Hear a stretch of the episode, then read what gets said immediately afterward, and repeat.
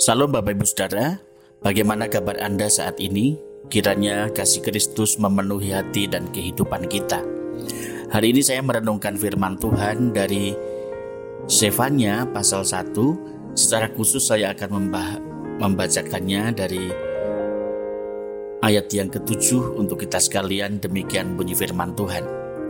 Berdiam dirilah di hadapan Tuhan Allah sebab hari Tuhan sudah dekat Sungguh Tuhan telah menyediakan perjamuan korban dan telah menguduskan para undangannya. Jangan bermain-main dengan dosa. Zefanya hidup dan menyampaikan firman Tuhan di masa pemerintahan Raja Yosia dari Yehuda. Raja yang takut akan Tuhan dan hidup dengan kesalehan. Sebab setelah dia tidak ada lagi Raja Yehuda yang sesaleh dan hidup takut akan Tuhan seperti Yosia. Oleh karena sikap hidup yang berbalik daripada Allah, maka murka Allah segera akan dicurahkan pada orang Yahudi yang berpaling dari Allah untuk menyembah berhala buatan manusia. Di ayat yang ketujuh mengatakan berdiam dirilah di hadapan Tuhan Allah. Bangsa ini telah murtad sampai pada titik di mana mereka tidak dapat kembali lagi. Akibat mereka telah jauh meninggalkan Allah dan menyembah berhala-berhala yang mati.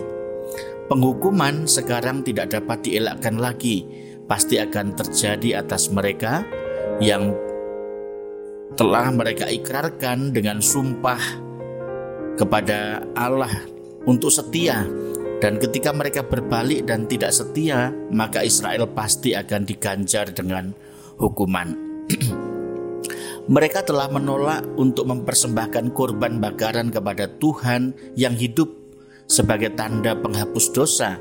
Oleh karena itu sekarang mereka sendiri yang akan menjadi korban persembahan itu. Hari Tuhan adalah hari penghakiman sebagaimana dituliskan juga di dalam kitab Amos pasal 5 ayat yang ke-18.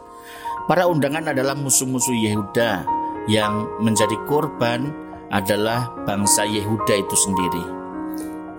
Yehuda begitu berani berbuat dosa karena tidak lagi mempedulikan Allah mereka serta berpaling kepada dewa-dewa kekejian yang mati. Umat Tuhan pada waktu itu menganggap sepi kehadiran Tuhan. Kalau kita membaca ayat 12b, mereka mengabaikannya dan semangat untuk menyembah berhala orang Kanaan sedemikian besar Orang Yahudi melupakan bahwa Tuhan Allah mereka tidak pernah terlelap sedikit pun. Ya, Tuhan itu tetap memegang kendali atas segala ciptaannya dan mereka juga melupakan janji setia Allah bahwa mereka adalah umat milik kepunyaan Allah sendiri. Dan penghukuman pasti terjadi. Penghukuman Tuhan akan nyata kepada semua orang yang mengikuti kebiasaan bangsa-bangsa yang menyembah berhala mereka. Nah, identitas mereka memang sebagai umat pilihan Allah, tetapi tindakan mereka menentang Allah dan menyembah berhala. Bahkan bait Allah pun dipakai untuk menyimpan berhala-berhala sembahan mereka yang menajiskan di hadapan Allah. Maka keadaan inilah yang membuat penghukuman pasti dan segera akan Tuhan nyatakan bagi bangsa Yehuda. Nah, saudara, sebagai anak Tuhan saat ini memang kita tidak menyembah patung, berhala, atau penyembahan-penyembahan yang sifatnya okultisme dan sebagainya.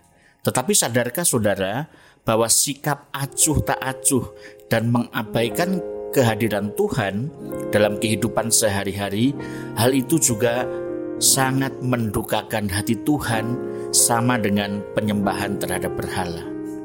Kita terlalu sibuk dengan gadget, dengan bisnis kita, dengan hobi dan kesenangan kita sendiri, sehingga tidak ada waktu lagi untuk mencari Tuhan dengan serius.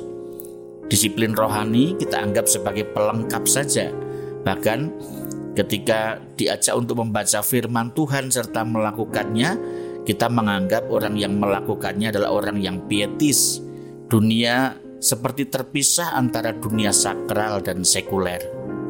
Godaan kita saat ini bukan penyembahan Baal atau dewa Molok, tetapi materialisme, individualisme, konsumerisme, egoisme, dan isme-isme yang lain. Muaranya adalah kita menjadi Tuhan atas diri kita sendiri, sementara kita mengabaikan kehadiran Tuhan. Ingatlah, jangan bermain-main dengan dosa, melainkan hiduplah dalam kekudusan agar murka Tuhan jangan menimpa kita. Selamat berefleksi, Tuhan memberkati.